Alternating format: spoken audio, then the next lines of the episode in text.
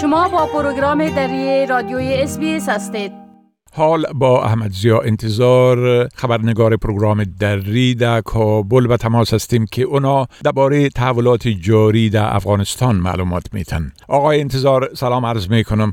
خب اولتر از همه اگر در مجموع درباره اوضاع معلومات بتین و بگوین که چی رویدادهای تازه رخ داده و مخصوصا پس از انفجارهایی که در میدان هوایی شد وضعیت از چی قرار است چطور است؟ بله با سلام به شما و تمام شنوانده که صدای ما را این حالا میشنوند. بله متاسفانه اما دیگر جیان هستم که چند قبل انفجار صورت گرفت و این انفجار در ساعت در محل صورت گرفت. که اونجا تعداد از مردم به خاطر برآمدن از افغانستان در نزدیک میدان نوی تجمع کرده بودند که تلفات هم داشت. با وجود وصف اعلامیه هایی که از طرف طالبا و هم از بخش دیگر و مردم داده میشه و گفته میشه که به طرف میدان اولی نبین چون تعداد زیادی داره.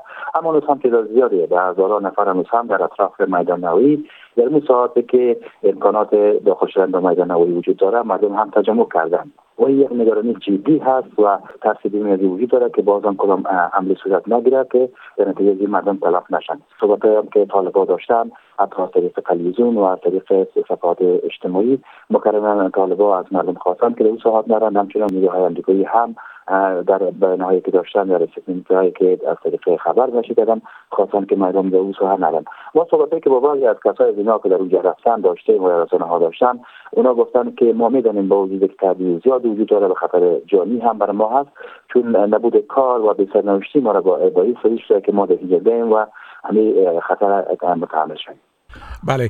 خب مردم از بسته بودن دفاتر و خصوص بسته بودن بانک ها همواره شکایت داشتن. می‌تونین بگوین که وضعیت در ای رابطه از چی قرار است؟ آیا دفاتر باز شدن و یا قرار است که به زودی باز شود آیا کارمندان دولتی به رفتن به دفاترشان آغاز کردن؟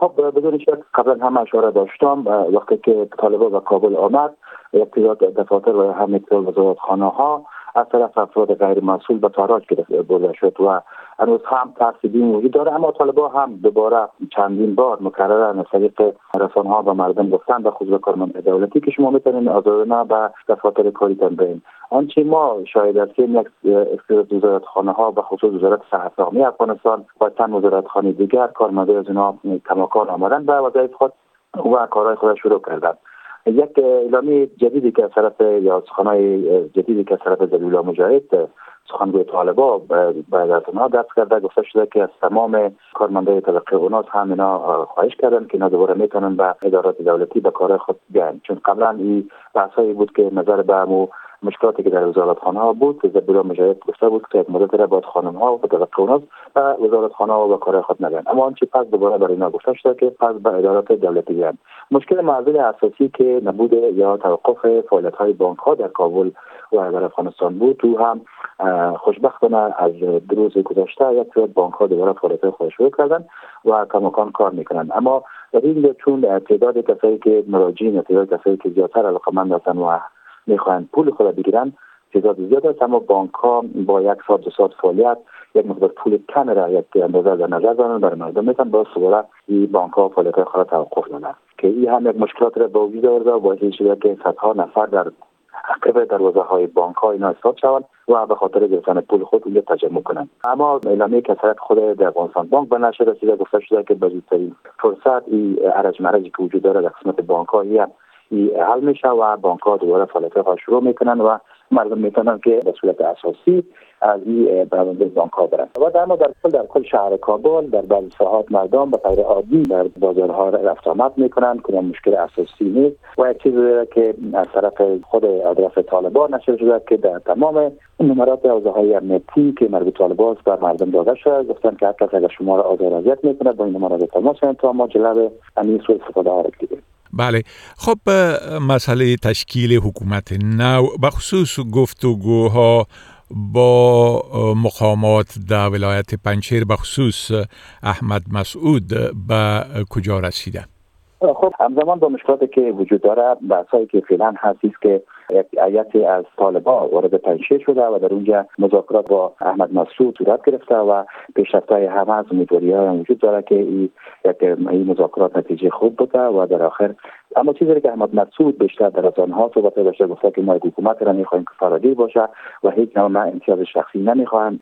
تلاشی که مدارم مربوط شخص خود من بلکه در تمام منافع خود مردم در مطرح است. و همزمان صورت که صورت گرفته گفته میشه که امو بحث طالبا و نیروهای خود که در نزدیک پنشیر هستن ادارت داده که هنوز عملات نظامی یا دست به اقدامات نظامی نزنن و خوشبینی های وجود داره که مذاکره اینا با تفاهم برسن و در آینده حکومت که جور میشه فراگیر باشن.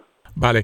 خب مردمی که از ولایات شمال به کابل آمده بودن گفتم میشه که با قطع کمک های بین المللی در این شرایط اوضاع تازه با مشکلات شدید مقابل هستند. اگر به صورت خلاص در این باره لطفا معلومات بتین بدون شک کسایی که در روز اول یا در وقتی که انوز کابل در تصرف طالب قرار داشت از سمنگان از ولایت شمالی آمده بودن در کابل در منطقه شهر نو کابل تجمع کرده بودند اینا فعلا با مشکلات زیادی نبود آب و غذا مواجه هستن چون در چند پیش. اینجا مردم داشتن کمک می‌کرد و دولت هم قبلا کمک های کردن. و اینا فعلا به مشکلات زیادی مواجه هستن. بدفال خود در جای بسیار بدون سرپناه هستن. در زیر خیمه هستن. بعضی خیمه هم ندارن. با مشکلات زیاد مواجه هستن. اونا صحبت که داشتن خواهش کردن از طالبا که در قسمت غذا و در قسمت آب و در سایر سهولت ها برای اینا تصمیم باشد چون با مشکل زیاد حتی بعضی از اینا هم مریض هستن و امکانات تداویر هم ندارن بله خب بسیار تشکر از این معلوماتتان و فعلا شما را به خدا میسپارم و روز خوش برتان آرزو می‌کنم. شما وقت شما خوش. ای بود احمد ضیا انتظار خبرنگار پروگرام دری در کابل که درباره تحولات جاری در افغانستان صحبت کرد. می خواهید این گونه گزارش ها را بیشتر بشنوید؟ با این گزارشات از طریق Apple Podcast، Google Podcast، سپاتیفای و یا هر جایی که پادکاستتان را می گیرید گوش دهید.